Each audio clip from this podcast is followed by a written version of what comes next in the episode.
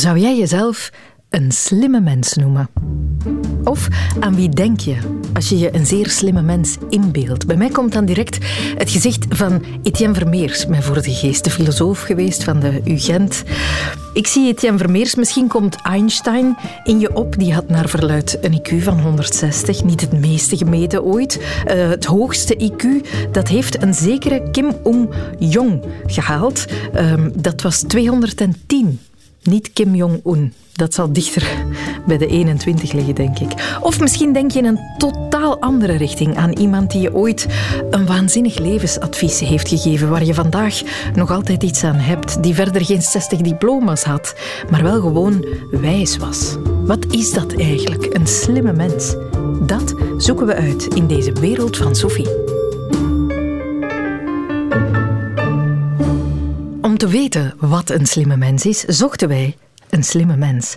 Een collega van Etienne Vermeers, ook filosoof aan de Universiteit Gent. En iemand met een bijzondere band met de etiketten slim en dom.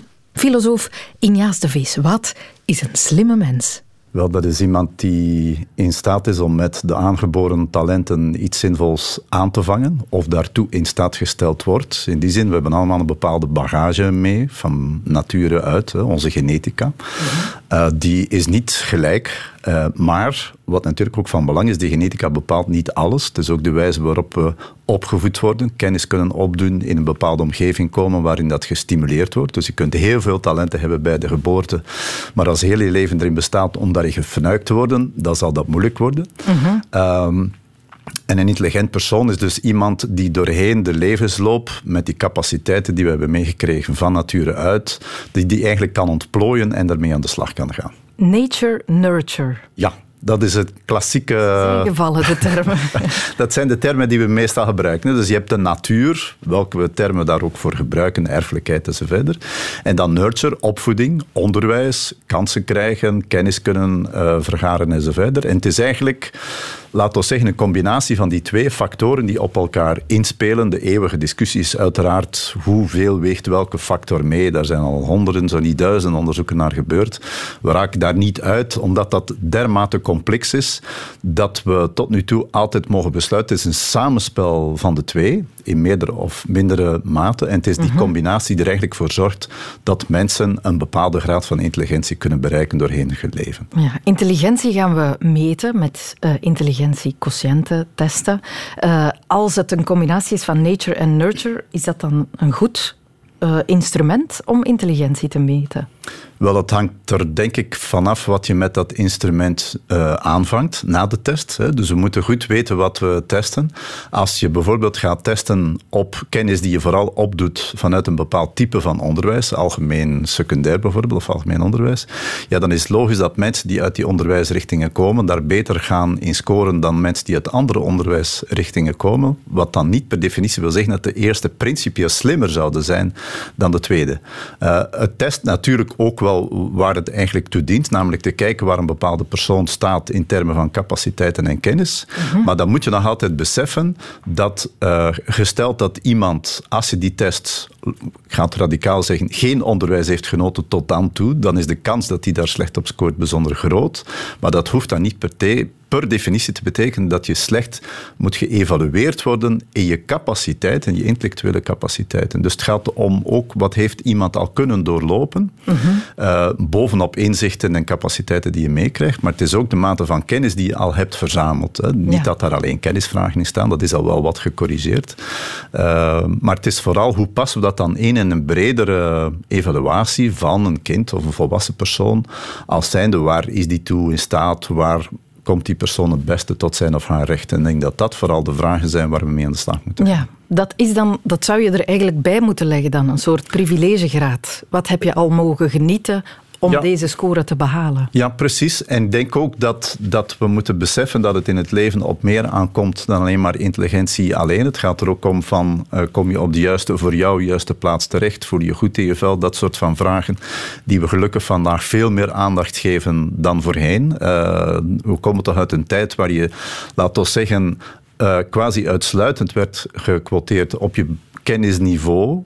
Eh, en als je daar dan slechter in scoorde, ja, dan werd je bijna gedevalueerd. En de mensen die daar dan zeer goed in scoorden, die werden opgewaardeerd. Dus we zitten daar toch uh, met, laten we zeggen, iets dat al gecorrigeerd is, maar wat nog altijd punt van discussie uh, is en blijft. En ik denk dat we nu daar echt wel aan toe zijn om dat debat nog eens te gronden te voeren. ik zou bijvoorbeeld heel veel kunnen weten, maar dat betekent niet dat ik dan per definitie een, een, een, om al een van die woorden te gebruiken, een wijs mens uh, zal zijn. Ik moet ook in staat zijn om iets met die kennis aan te vatten. En dan nog de hele discussie over, uh, is intelligentie alleen IQ? Is het ook EQ? Zijn er mhm. andere zaken die mee mijn intelligentie bepalen? Kan ik mij als persoon oriënteren in de wereld kun je evengoed uh, beschouwen als een heel belangrijke eigenschap. Ja, ja, je, je zou toch verschillende soorten intelligenties kunnen onderscheiden. Je kan inderdaad een kop vol kennis hebben, maar dat niet uitgelegd krijgen. Bijvoorbeeld. Um, of uh, gigantische mensenkennis hebben. En dat wel heel goed met mensen kunnen werken, maar dan minder dingen onthouden bijvoorbeeld. Uh, zijn er een aantal vaste soorten intelligentie die we kunnen onderscheiden?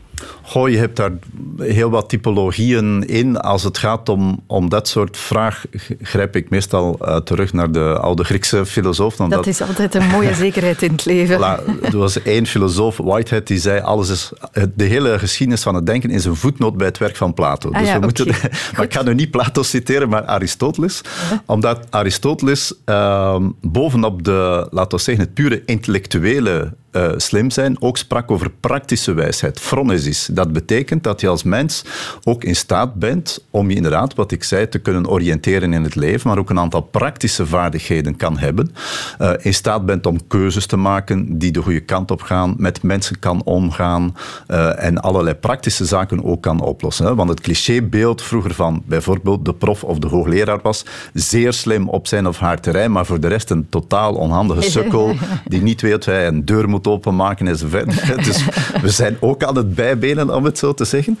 Maar ik denk dat het ook wel interessant is om te zien, als je spreekt over intelligentie, dat het om veel meer gaat dan alleen maar die, die pure dat pure kennisniveau dat je bereikt, dat er veel meer zaken in het leven komen bij kijken.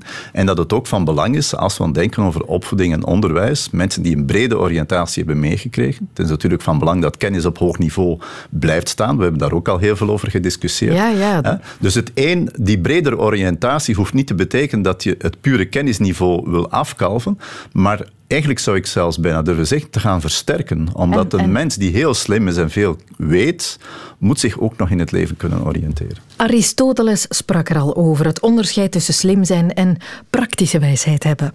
Die twee soorten intelligentie bestaan, maar ze worden niet allebei even sterk gewaardeerd. Om een of andere reden waarderen we kopkennis een pak meer. Vinden we het interessanter dat iemand een paar gedichten van Klaus kan citeren dan dat iemand een stukken boiler kan repareren. En dat is eigenlijk raar was onlangs nog ophef over in Antwerpen.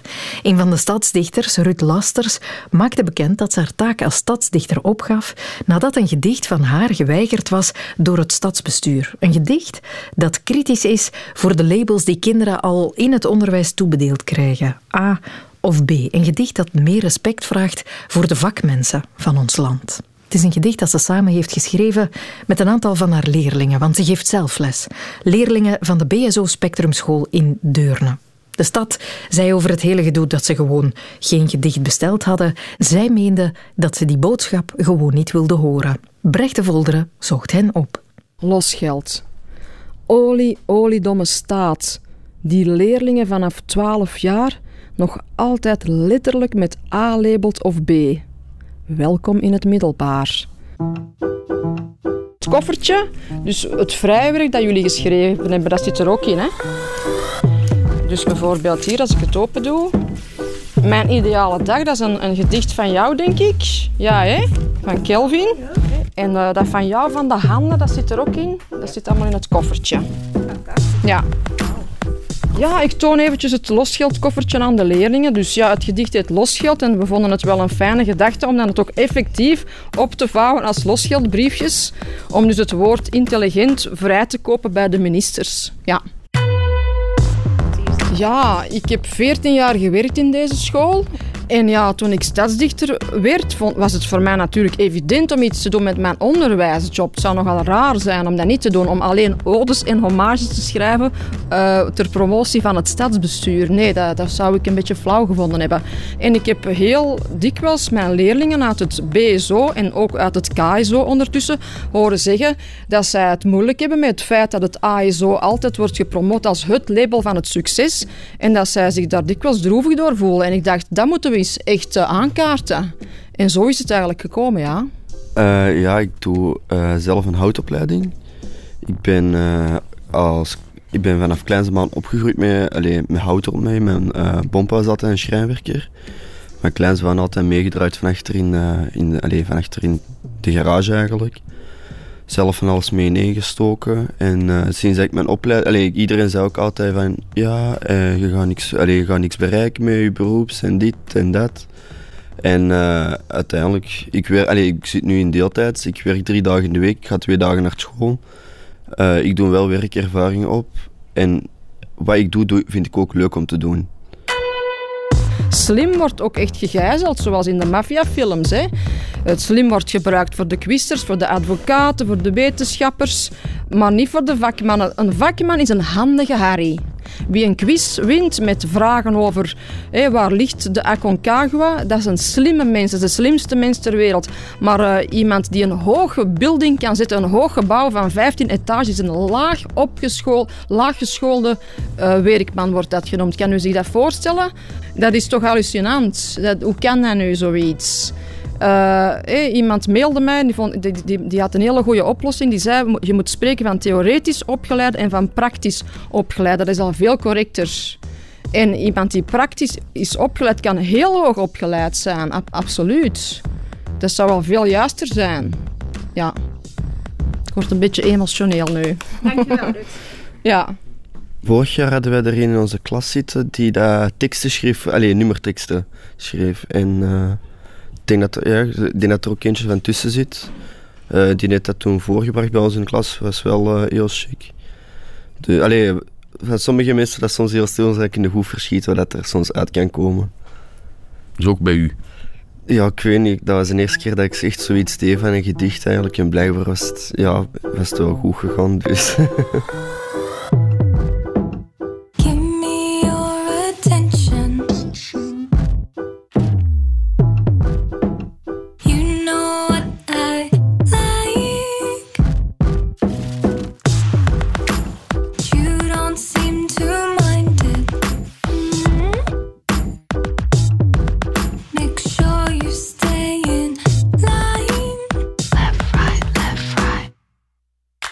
jij zelf gestudeerd in de ASO? Ik ben een ASO-leerling, dat klopt, ja. Um, maar ja, ik ben met mijn handen heel dom. Maar dat zeggen ze dan niet. Omgekeerd zeggen ze dan niet, dom met de handen. Dat zeggen ze onhandig. Zie, omgekeerd gebruiken ze het woord dom niet voor uh, onhandigheid. Dat zeggen ze niet. Dan bent u onhandig. Maar als, u, allez, als, als het uh, op het andere gebied uh, gebruiken ze dan wel het woord slim. Enkel voor de, ja, voor de ASO'ers. Ben jij een dichter? Eh, nee, denk ik niet. Dat denk ik ook niet. Ik denk dat ik niet veel van woorden ben, gewoon. Ja, die zijn mensen die gewoon zijn gevoelens goed kan eh, ja, zeggen op een goede manier. En dat ben ik niet. Ik hoor nogthans. ja, denk ik niet gewoon dat ik een dichter ben. Nee. Het is de eerste keer dat ze het u gevraagd hebben. Ja, ja de eerste keer. Wat, uh, wat studeer jij op school? Ik studeer hout nu momenteel. Ik heb mijn certificaat als laser behaald. Uh, ja, en nu doe ik houtopleiding. Ja. Jij bent een dichter, hè? Ik laat u even uh, reciteren. Ja, mijn gedicht is... De titel is Handen. Het is... Pak het met beide handen, grijp het leven bij het. Zorg dat je herinnerd wordt dat niemand je vergeet. Ga nooit weg zonder te groeten, vertrek nooit zonder zoen. Als het je noodlot ontmoet, kun je het nooit meer doen. Ga nooit weg zonder te praten, dat doet een hart zo pijn. Want je morgen hebt verlaten, kan je er s'avonds niet meer zijn. Um, ja, Wacht, je bent, je bent iets belangrijks vergeten eigenlijk. Hè. Ja. Uh, Miguel Angel, mijn naam. ik denk dat u die naam, ik ga het proberen te lezen. Miguel Angel? Angel? Miguel Angel, ik denk dat we daar nog van gaan horen zelfs. Ja, hoop ik wel. Of lezen gewoon, hè, want... Ja. Het gaat helemaal niet alleen over BSO'ers, jammer genoeg. Het gaat ook over TSO'ers, over BUZO-leerlingen, over KSO'ers.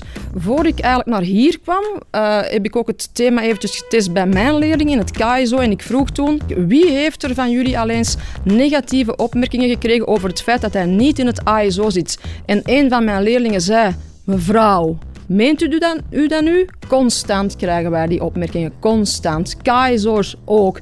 En ik zal het nog straffer maken, het verhaal. Zelfs in het ASO wordt de richting humane wetenschappen ook gediscrimineerd. want dan is dat binnen het ASO is dat dan zogezegd de mindere richting. Kun je dat voorstellen? Terwijl daar dikwijls psychologen uit voortvloeien. Allee, hoe kan dat nu? Uh, stel je voor een maatschappij zonder psychologen, zonder humane wetenschappers. Dan de, de A-mensen, zo gezegd dan, hè, dus de dokters en de advocaat en de notarissen, die dan niet meer naar de psycholoog kunnen gaan, dan zou het land ook niet draaien. Hoe komt het toch dat de mens altijd moet in hokjes moet delen en altijd precies een piramide moet maken van beter, minder goed? Dat is toch gewoon belachelijk en dat is heel dom. Dus olie, olie, domme staat. Ja. Zolang je Vlaanderen niet ook de vakman slim noemt in kranten, spelprogramma's en journaals, zet je de A in uw naam Vlaanderen niet waard? Veel om te doen geweest om dat gedicht. Het blijft ook een bijzonder merkwaardig onderscheid om te maken. Waar komt dat toch vandaan, die overwaardering van de boekenwijsheid? Inja's de Vis nog eens. Wel, nu kom ik toch terecht bij Plato, ja. onvermijdelijk. Omdat zoals uh, Plato uh, uh, de staat zag, de opdeling van de verschillende categorieën van mensen, uh, zette hij eigenlijk die mensen die vooral bezig waren met kennis en het beschouwende. Hij beschouwde de filosofen als de slimste mensen die er waren. We kunnen daar uh, ja, daarom, zwaar op Daarom vind je hem zo interessant. uh, maar nu komt eigenlijk het, het, negatieve, namelijk de mensen die met hun handen werkten, beschouwde hij eigenlijk als onvolmaakt, omdat hij er dan vanuit ging. Wie met de handen werkt, heeft geen tijd, geen vrije tijd. Vandaar schoolij betekent vrije tijd, school volgen. Je hebt geen tijd om school te volgen, om kennis te verzamelen. En die zijn als mens onvoldoende ontwikkeld om eigenlijk een samenleving te besturen. Dus je krijgt daar eigenlijk al een heel duidelijk onderscheid tussen het pure intellectuele en mensen die met hun handen werken. Ik ga nu niet zeggen dat alles de schuld is van Plato door dat onderscheid te maken, maar ik wil daarmee aangeven dat dat onderscheid al heel lang bestaat en dat we op een of andere manier nog altijd zeer onterecht neerkijken, want dat blijkt toch ook uit dat gedicht. Ik vond dat een heel mooie, eigenlijk heel zachte aanklacht. Ik snap niet dat daar zoveel ophef moet over zijn, maar zwart. Uh, maar een heel mooi punt, dat dat vandaag nog altijd in de hoofden van heel veel mensen bestaat. Je kiest een, een richting die niet het ASO is, en dus zou dat dan minder zijn. Hè? Terwijl je evengoed kan zien dat die mensen fantastische capaciteiten hebben, maar die dan misschien minder uh, zich situeren in het, laten we zeggen, uh, in de boekenwijsheid, in het pure studeren, maar eerder in hoe krijg ik praktische vraagstukken opgelost, hoe kan ik dingen ontwerpen, vervaardigen, producten maken, mm. dingen die we tijdens de pandemie allemaal hebben gedaan en we werden er nog gelukkiger van ook. Wel, ik zou zeggen, waarom zijn we dat nu eigenlijk vergeten? Hoe belangrijk dat ook is in een samenleving. Mocht de samenleving alleen bestaan uit die, uit die, uh, uit die filosofen bijvoorbeeld, het zou verschrikkelijk vierkant draaien. Dus we hebben iedereen nodig. en dat betekent niet ook... door de deur. Wel, ik ben hier toch vrij vlot binnengeraakt. Maar goed, hè, we, we zijn ook uh, geëvolueerd doorheen de tijd. Maar bedoel, je hebt die, die mensen absoluut nodig en er is geen enkele zinnige reden om daar bepaalde, laten we zeggen, evaluatie aan te koppelen met meer of minder. En ik denk dat dat het punt was dat ook in dat gedicht aan bod kwam. Uh-huh. En nogmaals, wat daar nu de ophef moet van zijn, of het niet verbindende karakter zal van zijn, mij is het ja, echt ontgaan. Misschien omdat de vrees is, als zij meer gewaardeerd worden, dan gaan we intelligentie minder waarderen, wat natuurlijk een Wat een totaal, is. totaal misverstand is. Ik herinner mij nog, de eerste jaar dat ik prof was, was er een uh, student die had uh, uh, Timmerman gestudeerd de vakschool, zoals men klassiek zei.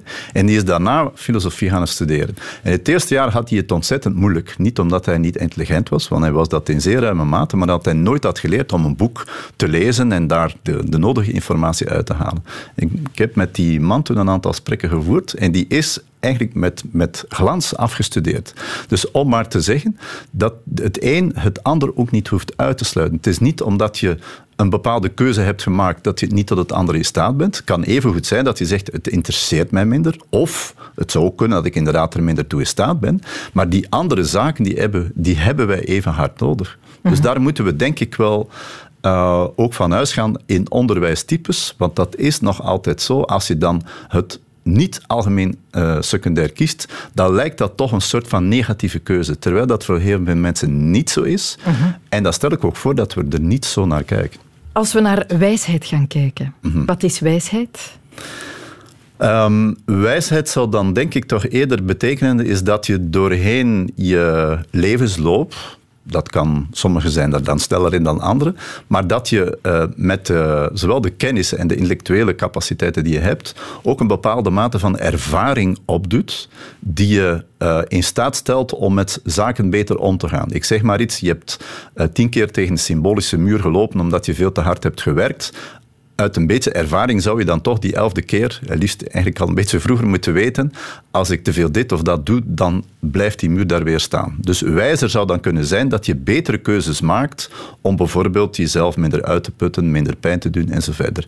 Wijzer kan ook betekenen dat je situaties beter leert inschatten, pardon, dat je beter met mensen kan leren omgaan, dat uh, uh, je beter in staat bent om je kind op te voeden enzovoort enzovoort. Dus wijsheid is een heel brede term en heeft, sorry nog een keer, Aristoteles, die de ervaring veel belangrijker achter dan Plato, die ervan uitging, alle kennis is aangeboren. Voor Aristoteles was het zo, hoe meer je iets inoefent, hoe meer je voor een bepaalde situatie wordt gesteld, hoe wijzer je in principe zou moeten worden om daar beter in te zijn dan de eerste keer dat je die keuze maakt. Omdat je die ervaring hebt. Denk actualiteit, Remco eh, Evenepoel, uh, Ronde van Spanje. Je ziet duidelijk, hij is wijzer geworden omdat hij bepaalde situaties al heeft meegemaakt en weet, ik moet daar anders, beter, slimmer, wijzer mee omgaan. Ja, dus het komt met de jaren.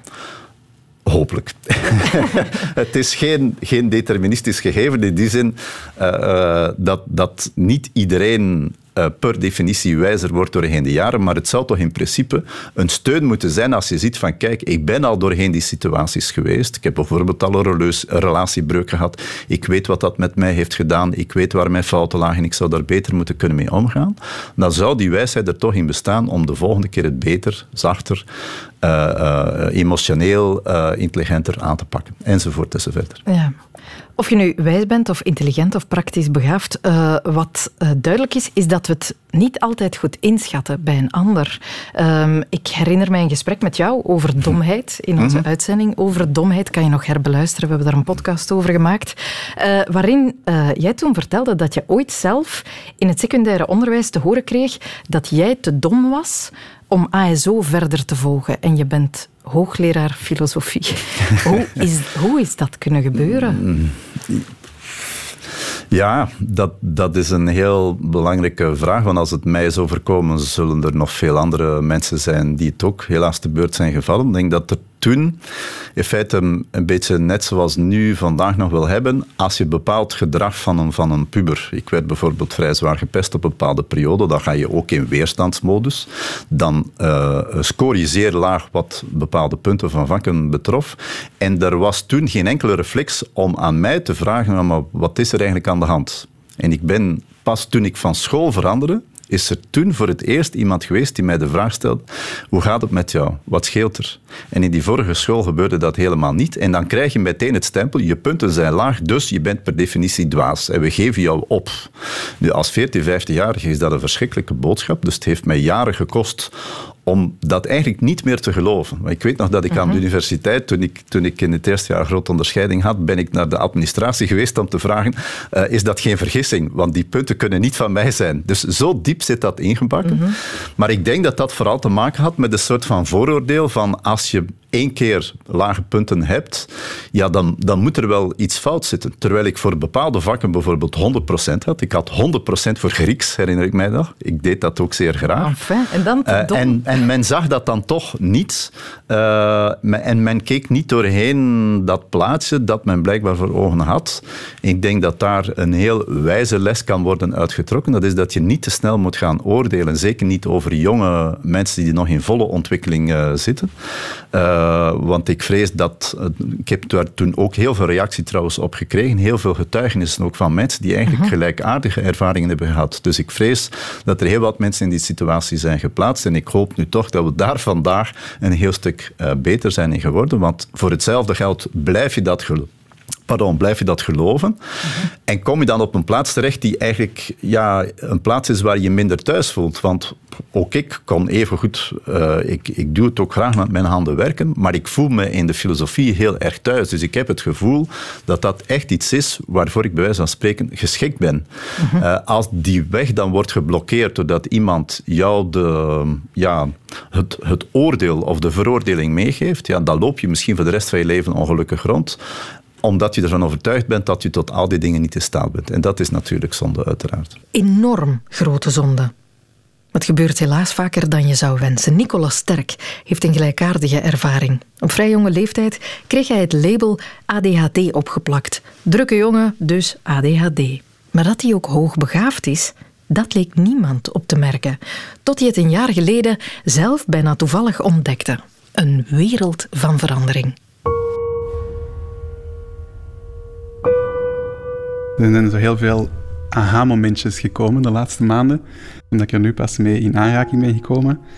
Een paar keer zijn er toch wel momenten geweest dat ik dacht van, ah oké, daarom is dat zo, zo zit dat. En dat had ik eigenlijk daarvoor nog niet echt, uh, nog niet echt helemaal door. Dus je bent nog altijd aan het leren?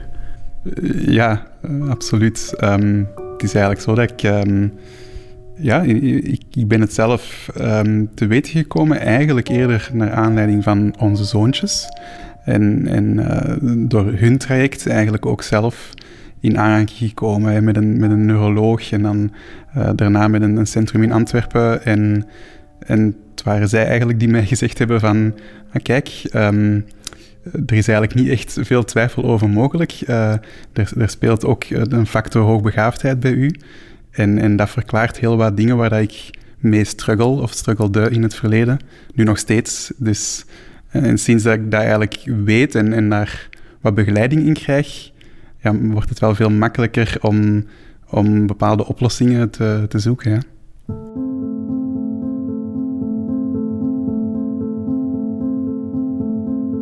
Ik ben uh, 34 en ik weet dat ik een heel druk uh, kind was en um, heel hevig. Uh, en dat ik vooral ook problemen had met concentratie. En daarom dat er bij mij ook uh, nogal vrij snel een, een uh, diagnose en een stempel is gekomen van ADHD.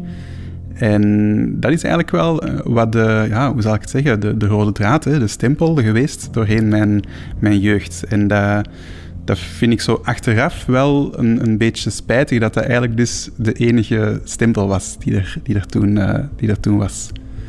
Terwijl ja, dat, er, dat het um, dus nu achteraf uh, gezien dat het, dat het perfect mogelijk is dat een persoon zowel ADHD heeft, maar, maar ook um, hoogbegaafd kan zijn. En dat in dat geval het eigenlijk best schijnend is. Ik, ik, nu voor andere kinderen trek ik mij dat heel erg aan, dan neem ik dat heel persoonlijk. Um, om te zien dat, uh, ja, dat, dat die dus toch um, minder kans hebben om zich helemaal te ontwikkelen.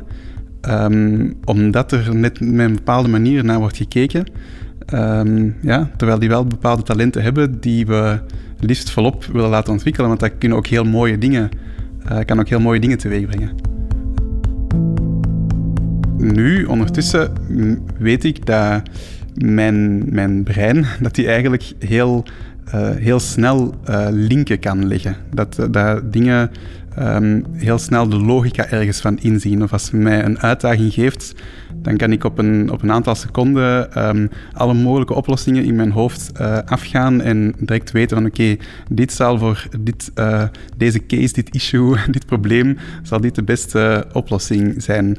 En um, ja, zo het, het, mijn, mijn hoofd aan het woelen is, daar dacht ik tot voor kort altijd wel van dat dat kwam door mijn ADHD en niet per se door mijn hoogbegaafdheid.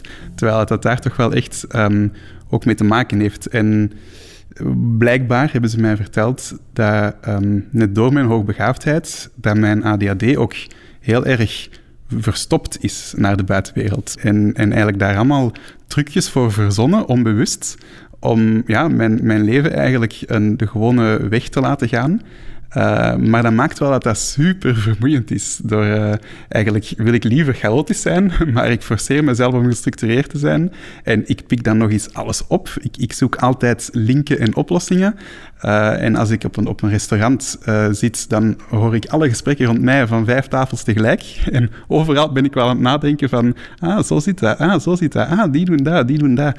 En dat maakt dan wel dat het, dat het soms wel best pittig is. En ja, en daar moet je denk ik wel mee, mee leren omgaan. Daar is het heel, heel, heel fijn, uh, moest je daarin begeleid worden om ermee te leren omgaan, denk ik. Dat ik dus wel echt heel graag strategisch nadenk, dat ik heel graag probleemoplossend nadenk. En, en dat zijn wel um, kenmerken van zo'n persoon die, die graag vooruit wil denken en die, die gemotiveerd is en, en verder wil gaan in het leven en, en, en ook grotere problematieken wil, wil aanpakken. En dat zie ik bij mij wel, dus dat, dat aanvaard ik nu een beetje meer. Ben jij een goede werknemer? Um, ik botste ook toen echt wel op een aantal um, punten, zoals zeker um, dat ik altijd dacht dat men niet tevreden was van mij. Uh, dat ik altijd dacht van, oei, ik heb precies vandaag niet genoeg gedaan. Ik heb te weinig gedaan. Uh, mensen met hoogbegaafdheid, die zijn uh, heel erg um, veel eisend. Hè? Die, die, die leggen de lat heel erg hoog. Um, en dat is voor mij ook heel herkenbaar geweest. Dat ik altijd de, de lat heel hoog uh, leg en dat ik vaak gefrustreerd ben op het einde van de dag omdat ik niet heb kunnen uh, doen wat ik allemaal heb willen doen die dag. Omdat ik in mijn hoofd al van alles had van oké, dat gaan we zo doen, dat gaan we zo doen, dat gaan we zo doen en dat komt allemaal in orde. En ja, dat is, ja, dat is niet zo. Hè. En daar, dat is een uitdaging om daar vrede mee uh, te nemen. En ja, zo op de, op de werkvloer nog iets um, wat aan mij ook is bijgebleven, is um, dat ook anderen dat soms niet fijn vinden dat je snel met oplossingen komt. Er zijn, er zijn vaak maandenlang nodig geweest in een bepaald team om redeneringen te maken, om te werken aan iets. Om, die zijn er al, al, al heel de processen doorgegaan. En dan had ik soms het gevoel dat ik zo soms in een meeting terecht kwam, waar dat ik dan hoorde van, wat zijn ze allemaal aan het doen? En dat ik dan zoiets had van, wacht, maar dit kunnen we toch ook wel anders oplossen? En dan opper ik iets van, ja, maar wacht eens even, als we dat nu gewoon zo of zo of zo doen, dan, dan is het toch al meteen, meteen in orde. Um, ja, en dan, dan denk ik van, oké, ik kan hier mijn kracht gebruiken, ik kan dat hier suggereren, ze gaan kei blij zijn met mijn oplossing, maar dat is niet altijd zo, dat ze dan kei blij zijn. Ook al blijkt misschien achteraf dat dat wel een goede oplossing was, mijn oplossing, maar ja, mensen zijn niet altijd zo. Die vinden het dan niet fijn dat je even uh, al hun, werk van, van vele weken van tafel komt gooien. Als ik het zo zeg, is het ook heel logisch. Hè? Nee, dat is natuurlijk niet fijn. Um, maar dus dat is iets waar dat waar dat ik zelf wel op, op bots en waar dat ik weet van heb dat nog wel mensen daar, uh, daar heel erg op uh, botsen.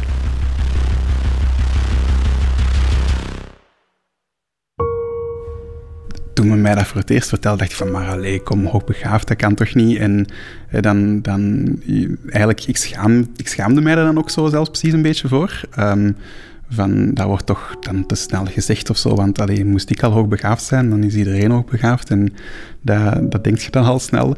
Um, maar bij mij is zowel de acceptatie gebeurd, onlangs nog maar, toen men mij eigenlijk vertelde dat hoogbegaafdheid en hoogintelligentie, dat dat, dat, dat niet per se um, ja, samenhoort. En dan wil ik ook niet zeggen dat ik helemaal niet hoog intelligent ben, hè, maar ik bedoel maar, er zijn echt zo de, de cliché-professor uh, vooral een professor talen, zeg maar. Die kan superhoog intelligent zijn, die kan supersnel dingen van buiten leren, uh, opslagen, uh, voor de rest van zijn leven nog, nog naar boven kunnen halen.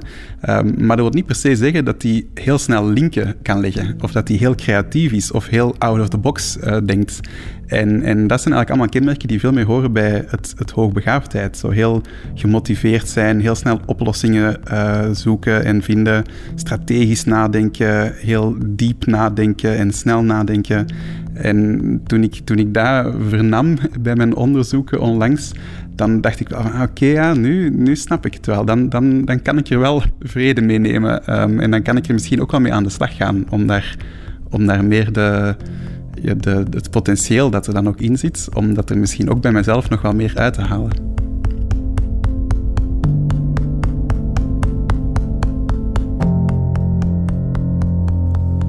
Mocht je nu bij het horen van dit verhaal van Nicolas denken: ah, dit gaat over mij? Dat zou wel eens heel goed kunnen, want hoogbegaafdheid wordt heel vaak niet opgemerkt. En dan bot je op een bepaald moment tegen muren en dan weet je eigenlijk niet dat er muren stonden. Daar had ik het over met Lore de Wulf. Zij is zelf hoogbegaafd, ontdekte het zelf ook pas laat en begeleidt vandaag hoogbegaafden bij alle worstelingen die ze op hun pad kunnen tegenkomen. Ze legt nog eens goed uit wat hoogbegaafdheid is en hoe je het kan herkennen. Ja, wel, het is wel zo natuurlijk. De link met, met slim zijn is er wel, omdat uh, hoogbegaafden hebben nu eenmaal een uh, groot cognitief potentieel, dat klopt. Maar het is veel meer dan dat. Ze denken op een andere manier, maar ze voelen ook op een andere manier. Het zijn vaak heel intense mensen, dat is een woord dat heel vaak in mijn praktijk ook terugkeert. De intensiteit van de hoogbegaafden. Ze zijn zeer intens, omdat ze heel veel zintuigelijke emotionele prikkels binnenkrijgen. Um, waardoor dat ze in plaats van, mensen hebben altijd zo'n filter tussen de prikkels van buitenaf en hetgene wat dat binnenkomt. Hoogbegaafden hebben eigenlijk tussen zichzelf en de wereld een vergrootglas. Dus zij krijgen eigenlijk alles veel sterker binnen dan mensen die niet hoogbegaafd zijn. Ah, ja. Die intensiteit is één stukje, maar dan heb je ook nog een aantal kenmerken, zoals bijvoorbeeld ja, zeer kritisch zijn, zeer perfectionistisch zijn, een zeer grote drang naar autonomie, een zeer grote drang naar authenticiteit. Dus dat zijn eigenlijk ook allemaal aspecten die deel uitmaken van dat plaatje van die hoogbegaafdheid. Ah, ja. Iets wat heel vaak terugkeert in de praktijk is um, het gevoel van anders zijn. Het gevoel om, om op een of andere manier niet volledig aansluiting te vinden bij um, de anderen, bij in sociale contacten, uh, op school, uh, op het werk. Dat je altijd het gevoel hebt, ja, ik voel mij toch precies altijd wel een beetje een buitenbeentje. Um, ik heb het gevoel dat ik op een andere frequentie zit op het vlak van communicatie. Ik kan de anderen wel begrijpen, maar ik heb het gevoel dat de anderen mij niet altijd kunnen begrijpen. Bijvoorbeeld als we het hadden over die communicatie. Hè. stel nu dat je in een vergadering zit en er wordt een probleem voorgelegd, um, dan heeft die hoogbegaafde begint te denken. Die heeft natuurlijk dat zeer groot cognitief potentieel, dus die kan heel snel denkstappen maken. Die zit uh, al tien stappen verder dan waar het gesprek effectief over gaat. En opeens deelt hij stap tien in zijn denkproces. Mm De andere mensen rond de tafel die kijken heel verbaasd van, huh, van waar komt dit? Omdat zij natuurlijk die grote denksprongen niet kunnen maken. En de communicatie van een hoogbegaafde is dan ook, ja, kom, we gaan dat hier zeer efficiënt doen. Ik ga gewoon de uitkomst uitleggen en de anderen moeten mij maar begrijpen. Maar daar loopt het wel een keer op strop, want de anderen begrijpen u dan niet, met alle gevolgen van dien. De hoogbegaafde denkt, ze luisteren niet. En dat kan natuurlijk weer eh, demotiverend werken dan voor hen. Veel, mm, veel uh, mensen zijn er zich niet van bewust dat ze hoogbegaafd zijn. En die zeggen, maar ja, dat kan toch niet? Allee, ik toch niet? Wat dat dan ook ervoor zorgt natuurlijk dat het een, een aanvaardingsproces is. Mensen denken vaak, ja, hoogbegaafd, dat zijn effectief dan de slimmerikken wat dat mensen denken. Het zijn niet de slimmerikken, het zijn de mensen die zich anders voelen. Dus het moment dat, dat hoogbegaafdheid op een pad komt, kan dat natuurlijk wel zeer overweldigend zijn, waardoor dat ze ook voor een stukje soms hun eigen geschiedenis gaan herbekijken bekijken en nadenken van, oh, oké, dan zijn de dingen gelopen zoals dat ze gelopen zijn, maar dat is niet altijd fijn om te merken dat het ook anders zou kunnen, ja, kunnen gelopen zijn. En ik denk dat dat mhm. bijvoorbeeld in het, in het verhaal van Nicolas ook wel aan bod kwam, hè, dat hij dacht van, goh, had ik het vroeger geweten, dan konden de dingen misschien wel anders gegaan zijn in mijn leven. Ja, ja. Uh, als ik het goed heb, uh, heb jij zelf ook pas vrij laat ontdekt dat je hoogbegaafd bent? Ja, denk rond mijn dertigste moet dat geweest zijn, um, dat ik er ook achter kwam um, dat ik hoogbegaafd ben. Um, ik denk dat ik, ik heb een heel lang pad afgelegd op een allerlei hoeken gaan zoeken van wat zou het nu kunnen zijn. Uh, onder andere uh, bij hoogsensitiviteit ben ik ook gaan kijken met het idee van ja, misschien liggen daar voor mij ook wel antwoorden. Mm -hmm. En dat is iets wat ik vaker wel terughoor, dat mensen daar gaan kijken. Maar ik had altijd het gevoel dan bij die hoogsensitiviteit, ja, maar ik denk dat het bij mij nog iets anders is, dat er nog andere zaken spelen, tot ik uiteindelijk botste op uh, die hoogbehaafdheid en um, dat verschillende mensen mij dat gezegd hadden. En dat ik dacht, misschien moet ik daar toch een keer mee in verdiepen. En mm -hmm. dan dacht ik, oké, okay, als ik een boek vastneem en daarin begin te lezen, nu ben ik thuis. ik ben vooral blij dat ik het weet. Um, dat heeft ook wel een tijdje geduurd. Helemaal in het begin is dat zeer, uh, zijn er heel veel zaken die daarbij komen kijken. Maar ik ben vooral blij omdat je op die manier ook kan, kan jezelf um, kunt gaan kijken van wat heb ik nu effectief nodig. Hè? Wat, wat, heb ik nodig? Want wat dat iets is dat heel veel hoogbehaafden uh, mee worstelen, is dat ze zich um, kunnen aanpassen en dat ook vaak doen, waardoor dat ze een bepaald van chameleongedrag van gaan vertonen.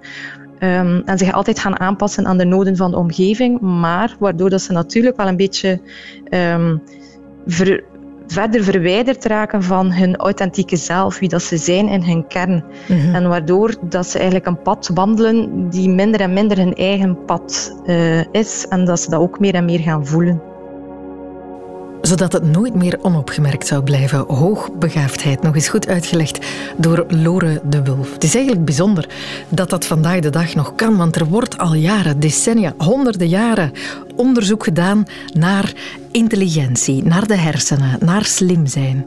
En weet je wie daar ooit heeft toe bijgedragen, letterlijk dan, met een stuk van zichzelf? Albert Einstein. Babette Mone vertelt zijn verhaal. Te beginnen bij de kinderjaren. Voor hij naar school ging, had hij bijvoorbeeld al een kompas en was hij, naar het schijnt, op vijfjarige leeftijd al helemaal gefascineerd over hoe dat werkte en uh, hoe magnetisme dan in elkaar zat enzovoort. En op zijn zesde kon hij al uh, perfect viool spelen. Dus dat toont wel aan dat we te maken hadden met een sowieso erg intelligent uh, kind. Uh-huh. Nadien heeft hij, is hij trouwens ook viool blijven spelen. Ah, dat en zo? dat hielp hem blijkbaar ook om wetenschappelijke problemen op te lossen. Als hij in de knoop zat met een theorie en hij raakte even niet verder, dan speelde hij een stukje viool. En dat zou hem dan geholpen hebben om, uh, om verder te komen. Ah, ja. okay, dus hij maar een wandelingetje alleen, maken had ook geholpen. Had ook geholpen, allicht. Maar om maar te zeggen, het was niet alleen zo een typische bolleboos die alleen goed was in wat hij deed. Hij had echt heel veel talent. Hij kon ook uh, heel makkelijk Engels leren uh, toen zijn ouders zijn overgekomen. vanuit Duitsland wel nog altijd met een, een mooi accent natuurlijk. Maar het, het was dus heel duidelijk dat zijn talenten zich op verschillende fronten afspeelde. Um, doen wel berichten de ronde dat hij niet zo goed zou geweest zijn op school zelf. Ja, ik heb dat ook al dat gehoord. Is kwats. Is dit dat waar? is niet waar. Nee, inderdaad, het is een fabeltje. Je vindt nog wel heel veel YouTube-filmpjes enzovoorts waar dan uit zou moeten blijken dat hij toch slechte punten heeft, want hij had toch maar een 6 op wiskunde. Maar goed, dat komt omdat uh, het rapportensysteem ten tijde van Einsteins schoolcarrière helemaal veranderd is. Eerst was het zo dat, je, dat een uh, 6 het laagste was en een 1 het beste. Mm-hmm. En dan tijdens zijn schoolcarrière is dat omgedraaid en was een 1 het laagste en een 6 het beste. En hij had een 6 op okay. wiskunde en alle onderdelen. Dus beter kon eigenlijk misverstandje. op dat moment. Dat is een misverstandje. Nu, Einstein zelf heeft ook altijd gezegd van, goh, ik ben inderdaad wel intelligent, maar dat is niet het belangrijkste. Verbeelding is belangrijker dan kennis.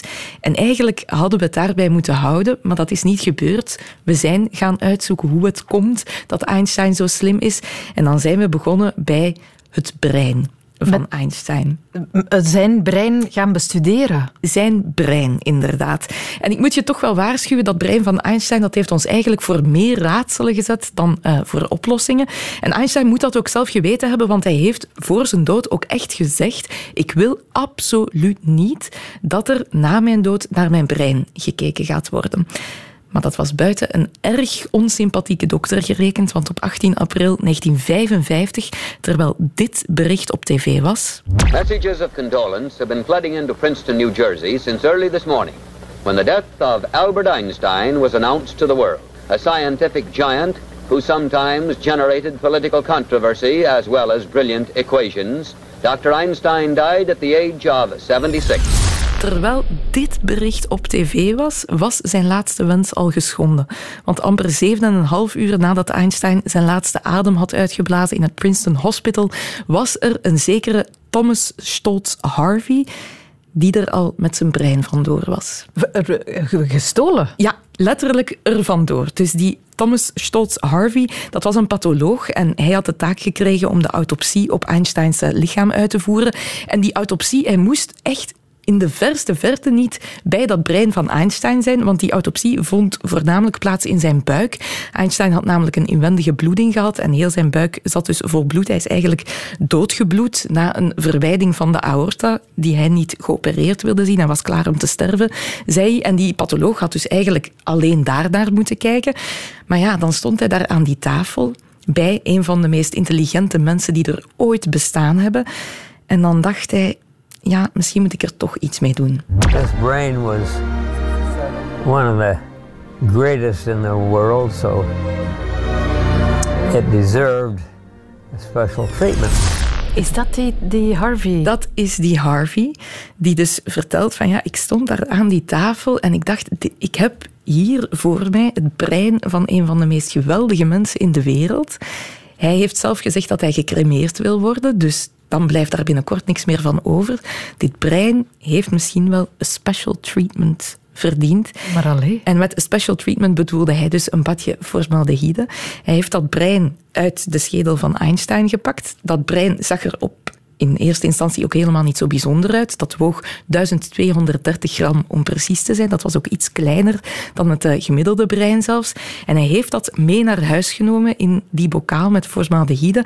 En dat gewoon in zijn kelder verstopt, tussen de conserveblikken. Nee, je zou denken, oké, dit is uh, een man gepassioneerd door zijn vak, die wil dit bestuderen, maar hij zet het gewoon in, tussen de conserven. Ja, hij wou eerst even dat de storm overwaaide, want hij wist natuurlijk, Einstein heeft gezegd, ik, ik wil dit niet. Dat gaat ook ontdekt worden dat er in die schedel uh, geboord en gesneden is. Dus hij heeft dat uh, daar verstopt. En een dag later merkten ze dan natuurlijk in het ziekenhuis van hier is iets gebeurd. En gek genoeg dachten ze niet meteen aan hem als hoofdverdachte. Uh, hij heeft gedaan alsof zijn neus bloedde. Dat heeft eventjes geduurd. Maar hij dacht, ik voel me toch niet helemaal veilig. Misschien gaan ze een huiszoeking doen. Ik zal dat brein vanaf nu overal mee naartoe nemen. Dus die heeft rondgereden. Dacht Harvey. Met dat brein van Einstein in een confituurpot in zijn autootje naar verschillende universiteiten waar hij dan lezingen moest gaan geven. Dat brein had al half Amerika uh, gezien. Toen dus ontdekt werd dat dat bij Harvey was, toen was hij ineens twee belangrijke dingen kwijt. Zijn job bij Princeton, want ze zeiden ja, dit kan eigenlijk echt niet. En ook zijn vrouw, want die kon er niet van over dat ze tussen haar conserveblikken in de kelder ook eventjes het brein van Einstein had, uh, had gehad. Die zit ook al ondertussen maanden van tegen haar lief te zeggen, maar wat zit jij nu toch met die pot conserven heel de tijd ja. op stap te gaan? Wat is dat? Dat moet lekker zijn. Nu goed, er was één lichtpuntje. Uh, toen dat dan ontdekt werd, mm. moest er natuurlijk toestemming gevraagd worden aan de zoon van Albert Einstein, Hans, van wat gaan we hier nu mee doen? Want het euvel is al geschied, hij is niet volledig gecremeerd. We hebben dit brein nu, hoe gaan we er nu mee verder? En Hans heeft dan uiteindelijk toestemming gegeven om het toch te gaan onderzoeken. Want hij zei, ja, goh, mijn vader was er tegen, maar we hebben deze stap nu al gezet en papa was wel voor eeuwige wetenschappelijke vooruitgang, dus kom laten we het nu maar gewoon doen. En dan had die Harvey natuurlijk goud in handen, want toen kreeg hij ineens wel heel veel uh, mails. En ja, mails zou dat toen niet geweest hij zijn. Mocht daar, hij mocht daarmee aan de slag? Hij mocht daarmee aan de slag, hij mocht dat gewoon houden. Dat is iets wat inderdaad moeilijk te begrijpen is. Je zou kunnen zeggen, jij moet het teruggeven en ik zal wel iemand zoeken die het waard mhm. is om dat brein te onderzoeken. Maar zo ging het dus niet. Hij mocht dat brein houden uh, en hij is dan bij de Universiteit van Pennsylvania kunnen gaan werken. En daar heeft hij dat brein in 240 stukjes gesneden, die hij dan allemaal apart verpakte in blokjes cellulose. Dat zag er dan zo'n beetje uit als een, als een suikerklontje. En die stukjes kon hij dan aan andere wetenschappers bezorgen, want die waren er natuurlijk massaal. Iedereen wilde een stukje van het uh, brein. En een van die wetenschappers die geïnteresseerd was, was een zekere Dr. Marion Diamond. Ze had een brief geschreven naar Harvey een paar jaar eerder en ze moest toch wel even wachten op een antwoord. Three years later, in a little mayonnaise jar with fluid in it to preserve the tissues. There were four sugar cube sized pieces of Einstein's brain. Drie jaar later had ze dus gekke post, een mayonaisepot, met daarin die formaldehyde en dan vier stukjes brein ter grootte van een suikerklontje. En zo kon ze dan aan haar onderzoek beginnen. En wat hebben ze toen geleerd? Wel, in eerste instantie leek het dat ze heel veel zouden leren, want die Marion Diamond bijvoorbeeld, die leek al meteen een baanbrekende conclusie te hebben. So we were using the data that we had accumulated over the years on experimental work to hypothesize that Einstein might have more glial cells than the average male. He had more glial cells to help his nerve cells processing. Einstein had meer gliacellen, had ze ontdekt. Gliacellen, dat zijn cellen die de zenuwcellen helpen gezond te houden en die er dus voor zorgen dat informatie sneller uh, verwerkt kan worden. En dat klinkt natuurlijk als een heel logische conclusie en dat was eigenlijk ook het probleem, want je hoorde het haar daarnet al zeggen, nog voor ze ook maar iets van dat brein in haar bezit had, was dat al haar hypothese van ja, Einstein was zo'n slimme man, hoe zouden we dat toch kunnen verklaren? Het zullen wel de gliacellen Het zullen zijn. wel de gliacellen Ik dacht het zelf ook eigenlijk. Ja, voilà, dat is iets uh, dat veel mensen dan denken. Maar dat is wel een, een bedje waar de meeste van die studies in, in ziek liggen. Van, ja, ze zijn allemaal een beetje geplaagd door confirmation bias, zoals dat dan heet. Men wil heel de tijd iets vinden in dat brein. En dus zien wat vindt men denkt, ook van alles. Zo hebben ze ook bijvoorbeeld ontdekt uh, dat de neuronen in Einsteins brein dichter bij elkaar lagen. Dat zijn pareciale kwap 15% groter was. En die kwap zou dan verantwoordelijk zijn voor all things wetenschap, fysica, wiskunde enzovoort. Dat er een paar bijzondere verbindingen waren. Maar voor elke wetenschapper die dus beweerde, ik heb hier iets unieks gevonden aan dat brein van Einstein, waren er dan ook weer tien die zeiden, oh maar nee, dat, dat heb ik ook al eens gezien bij iemand die eigenlijk heel gewoon was. Het, het ding is dat breinen blijkbaar allemaal uniek zijn en dat er geen enkel brein is dat een standaardmaat heeft en standaard verbindingen. Iedereen heeft zowel iets. En daardoor is het dus heel moeilijk om in dat brein van uh, Einstein een verklaring te vinden waarom hij zo intelligent was. Er zijn heel veel studies gedaan, want die 240 kubusjes waar ik daarnet van sprak, mm. die zijn in later, de mayonaisepot. In de ja. mayonaisepot. Die zijn later ook nog eens versneden tot 2000 flinterdunne plakjes. Dus een soort van carpaccio van, van Einstein. Van Einstein. ja. Man, en dus voor sommige wetenschappers is dat echt een kweeste geweest om zo één klein plakje uh, in hun bezit te krijgen. En zo is er een uh, toch wel redelijk hallucinante documentaire die je nog volledig op YouTube uh, kan kijken, mocht het je interesseren, van een Japanse professor, Kenji Sugimoto heet hij. En die is helemaal naar Princeton gereisd, naar die Thomas Stotz Harvey, die man die dat brein van Einstein in zijn bezit had, met één vraag. if possible, if, if possible, please uh, give me uh, one photo of the one piece of the Einstein brain. Die gaat dus naar Princeton en die zegt, ja, hebt u misschien nog zo'n stukje liggen? Ik zou dat toch wel graag hebben. En even later zie je die twee daar dan staan in het bureau van die Harvey. Hij pakt daar een, een pot, inderdaad, een mayonaise-achtige pot. En met een vork gaan ze dan daar een stukje van dat brein uitvissen. There we go. Okay. Uh, let me get something to fish it out with. May I, may I touch me? Dat was een vlieg die je hoorde langskomen. Yes, yes, yes. Oh, thank you, professor. Oh, you're welcome. Echt het meest bizarre tafereel ooit. Als je alleen de klank hoort. Je, dan denk je ook dat het iets anders ja, is. Hè? Mag ik het even aanraken? Oh, oh ja, dank u wel. het, het, het, wordt een beetje wetenschapsporno, maar dat zal het voor die man ook wel geweest zijn. Ja. Die was heel blij dat hij dus dat stukje kreeg. Maar ik vind het onvoorstelbaar dat dat dus echt gewoon in een glazen pot op het bureau van die Harvey nog altijd stond. Die pakt dat daar met een vork uit, neemt een houten snijplank en snijdt daar gewoon met een keukenmes een stukje van af, terwijl er een vlieg langs vliegt. Het is echt, echt en waanzin om te zien. Wat heeft die Sugimoto kunnen ontdekken? Niks. Ah ja. Dat is het. En eigenlijk is dat wel het hele fijne. We mogen allemaal claimen dat we een Einstein-brain hebben, want er is niks bijzonders aan. Niks bijzonders aan die hersenen gevonden, maar wel gefileerd. Ja. Dat een goede tartaar van Einstein overal in mayonaise en confituurpotten meegezult, terwijl hij eigenlijk had gezegd, blijf eraf. Ja. Ai, ai, ai, och arme Einstein.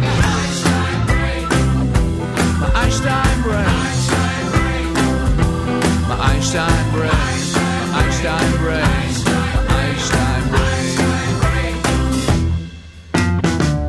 Moest er even tussen, hè? Flinterden streepje Einstein Brain van Admiral Freebie. We hadden het over dat onderzoek dat gedaan wordt naar onze hersenen, onze intelligentie. En dat wordt vandaag nog steeds gevoerd, dat onderzoek. Wat dat betreft heb ik bijzonder nieuws. Want uit onderzoek blijkt dat we met z'n allen collectief dommer aan het worden zijn. Waar de Belg in 2006 nog gemiddeld een IQ van 99 à 100 had, haalt de Belg in 2019 nog maar 97. Wat is er aan de hand? Dat heb ik besproken met Dimitri van der Linden, hoogleraar psychologie aan de Erasmus Universiteit Rotterdam. De lijn was niet ideaal, maar het is zeer interessant wat hij vertelt, dus we gaan het er even mee moeten doen. Ik vroeg hem wat dat concreet betekent. Wat kunnen we minder goed als ons IQ zakt? Ja, dus er zijn zeg maar ehm, in, in intelligentieonderzoek maken mensen onderscheid vaak tussen specifieke vaardigheden, hè, zoals verbale vaardigheden. Hoe goed ben je met taal? Of uh, numerieke eh, vaardigheden, hoe goed ben je met rekenen? En, uh, maar je hebt ook nog zoiets wat daarboven staat. Dat noemen ze algemene intelligentie. Dus het algemene vermogen om problemen op te lossen. Dus los van of het nou geschreven is, of dat het wiskundig is, gewoon hoe slim zijn eigenlijk mensen. En dat, ja, mensen kunnen wel een bepaald patroon hebben. Je bent iets beter in het ene dan in het ander. Maar over het algemeen uh, ja, is, gaat het eigenlijk om hoe slim is iemand, hoe intelligent is iemand. Mm -hmm. En dat, uh, ja? Ja, zegt u maar.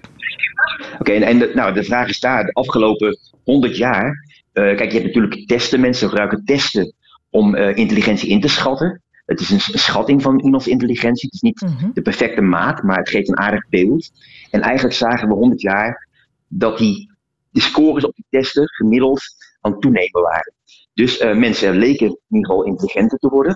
Mhm. Mm -hmm. Maar de laatste jaren, 10 jaar, 10 jaar 20 jaar misschien, uh, lijkt dat wat te stagneren. En zie je ook in sommige landen alweer wat achteruitgang. Dus nou blijft de grote vraag inderdaad van ja, is dat zo? Uh, worden mensen minder intelligent over de tijd? En er lijken wel wat aanwijzingen voor te zijn. Wat, wat is er misgelopen? Waarom ofwel aan het stagneren of aan het dommer worden? Ja, nou, dat, zijn, uh, dat weten we niet precies. Hè? Want eerst is natuurlijk de vraag van uh, die, die, patronen die we zien, zijn die consistent? Hè? Is, het, uh, is het een tijdelijke dip? Of, of lijkt dat iets een, een neergaande trend die eigenlijk door zal zetten? Dus eigenlijk op dat, dat stadium zijn mensen ook nog een beetje aan het bakkeleien van, nou, hoe zit dat nou precies? Maar stel je voor dat inderdaad die scores achteruit gaan, of mensen inderdaad minder intelligent worden. Nou, waar kan dat ook komen? Ja, er zijn verschillende soorten theorieën. Mm -hmm. uh, een van de theorieën is dat bijvoorbeeld um, door mutaties hè, die zich ophopen, als mensen kinderen krijgen, uh, dan wordt het DNA wordt gekopieerd. En uh, nou, het kan zijn dat er af en toe wat mutaties ontstaan. Dat, dat gebeurt heel vaak. Dat is op zich niet zo erg. Maar vaak zijn mutaties natuurlijk wel, um, ja, als, als een effect hebben, is ook niet zo vaak, maar dan hebben ze, als ze een effect hebben, dan is het vaak negatief. Op het lichaam, op je gezondheid en misschien ook wel op je hersenen. Dus het kan zijn dat, um, ja, dat er een opstapeling is van uh, mutaties die ervoor zorgen dat we wat minder intelligent worden. Dat zou kunnen. Mm -hmm. Dat is één theorie. Een andere theorie is dat um, als je kijkt naar de cijfers, hè, de cijfers uh, in de bevolking, dan uh, kan je iemands testscore berekenen ze wel eens. En dan kijken ze nou hoeveel kinderen krijgen mensen. En dan zie je dat bijvoorbeeld uh, mensen aan de wat lage scoren, dat die gemiddeld wat meer kinderen krijgen. Uh, hoogopgeleide mensen die stellen vaak kinderen krijgen uit, of soms besluiten ze, om wat voor reden dan ook, om, om geen kinderen te krijgen. Mm -hmm. nou, je kan je voorstellen als dat dan deels uh, erfelijk is, dat het ook een, een negatief effect kan hebben op de intelligentie. Ja. Oh. Ja. Oké, okay. dat zijn ja. mogelijke verklaringen, maar het valt moeilijk met zekerheid aan te stippen. Het ligt daaraan. Daarvoor moeten we nog meer onderzoek doen of moeten we nog even langer afwachten wat, hoe die punten evolueren? Ja, ik denk beide. Ik denk we moeten kijken. Kijk, want er is natuurlijk ook sommige in de wetenschap, hè, sommige dingen zijn wel heel duidelijk. Hè, die worden heel, heel duidelijk onderzocht. En zeggen, nou, dat weten we wel. Er zijn natuurlijk altijd mensen die een andere mening hebben. Maar vaak weten we dingen heel goed. Hier, uh, dit is relatief nieuw, uh, dus we hebben het in de gaten. We zien dat die trend uh, wat naar beneden gaat. Ja, de vraag is, zet dat door? En zo ja, dan, dan wat verklaart dat? En daar moeten we echt meer onderzoek naar doen. Ja, ik heb ook al wel eens horen zeggen dat het de technologie is die ons intelligentie afneemt, omdat we bepaalde taken beginnen uitbesteden en ja, misschien zelf in ons hoofd een beetje luier worden. Dat kan, dat is ook een andere theorie. Hè. Dus er mensen eh, die zeggen, ja, dat komt door de technologie, we worden, eh, ons, gebruiken onze hersens minder. Ehm, ja, dat, ja, ik denk zelf niet dat dat een belangrijke oorzaak is. Hè. Mensen, kijk, intelligentie is relatief stabiel. eh, over, de, over de leeftijd, over hoe je, als je opgroeit. Dus eigenlijk dingen zoals ehm, ja, technologie heeft daar niet zo'n heel groot effect op volgens mij. Oké. Dus eh, het is ook wel heel moeilijk te trainen. Het, is ook, het tegenovergestelde is ook heel moeilijk. Je kan ook niet door technologie, hè, dus allerlei eh, sommetjes oplossen, kan je wel beter worden in die sommen. Omdat je heel veel getraind hebt daarin. Mhm. Maar je kan niet fundamenteel intelligenter worden. Dat is heel moeilijk om, om te bereiken, zeg maar. Dus Ja. het tegenovergestelde, minder intelligent worden door in technologie, dat is ook niet zo waarschijnlijk. Is het een groot probleem dat we die punten IQ aan het verliezen zijn? Eh, ja, dat kan wel. Want eh, kijk, het idee van intelligentie natuurlijk is dat het een relatief grote rol speelt bij heel veel dingen. Dus het is niet alleen hoe jij het doet op school, maar ook hoe jij het doet op je werk, eh, gezondheid, eh, welke beslissingen je neemt in termen van gezondheid, maar ook hoe de maatschappij in elkaar zit. Hè? Dus bijvoorbeeld eh, het politieke systeem, maar ook de bruggen die gebouwd worden. Die zijn natuurlijk allemaal afhankelijk van de kennis die we hebben, maar ook van de intelligentie die mensen, van mensen die dat uitvoeren. Ja, dus als je slimmere mensen hebt, dan voeren die dingen vaak wat beter uit. Dus als dat omlaag zou gaan, dan zou dat, ja, groot, als dat inderdaad het geval is, dan zal het waarschijnlijk een negatief effect hebben op heel veel verschillende dingen. Mhm. Dus zowel op gezondheid als op eh, het politieke systeem, als eh, de infrastructuur. Dat, dat is gewoon, ja, dat is een heel, heel breed, brede invloed heeft dat. Ja, ja, het zal zich laten voelen, maar dan wel op langere termijn. Want nu die twee punten, daar gaat, gaan de grote problemen niet ontstaan, denk ik dan. Eh, nou ja, misschien één of twee punten niet. Maar ja, als het wat langer duurt en het, eh, het wordt drie, vier punten, ja, dan, dan zou je waarschijnlijk, eh, als dat echt zo is, als dat fundamenteel zo is, dan zie je dat waarschijnlijk toch wel in hele kleine dingetjes terug. Ja, dus bijvoorbeeld, eh, kijk, je ziet ook al naar het onderwijs. Hè? Kijk, ik had ook even, nog eens even gekeken. Maar je ziet bijvoorbeeld dat in het onderwijs, ik ben geen onderwijspsycholoog, maar zie je wel eh, dat mensen opmerken dat de, de capaciteit omlaag lijkt te gaan. Dus mensen, kinderen kunnen minder goed rekenen, eh, taal gaat achteruit. Ja, dat kan zijn dat het onderwijs dus achteruit gaat. Ja. Dat is een mogelijkheid. Maar het kan ook zijn dat dat eigenlijk een uiting is van het proces waar we het nu over hebben. Kunnen we dat eh, stilletjes aan IQ-punten verliezen collectief opvangen of gaan bestrijden zelfs?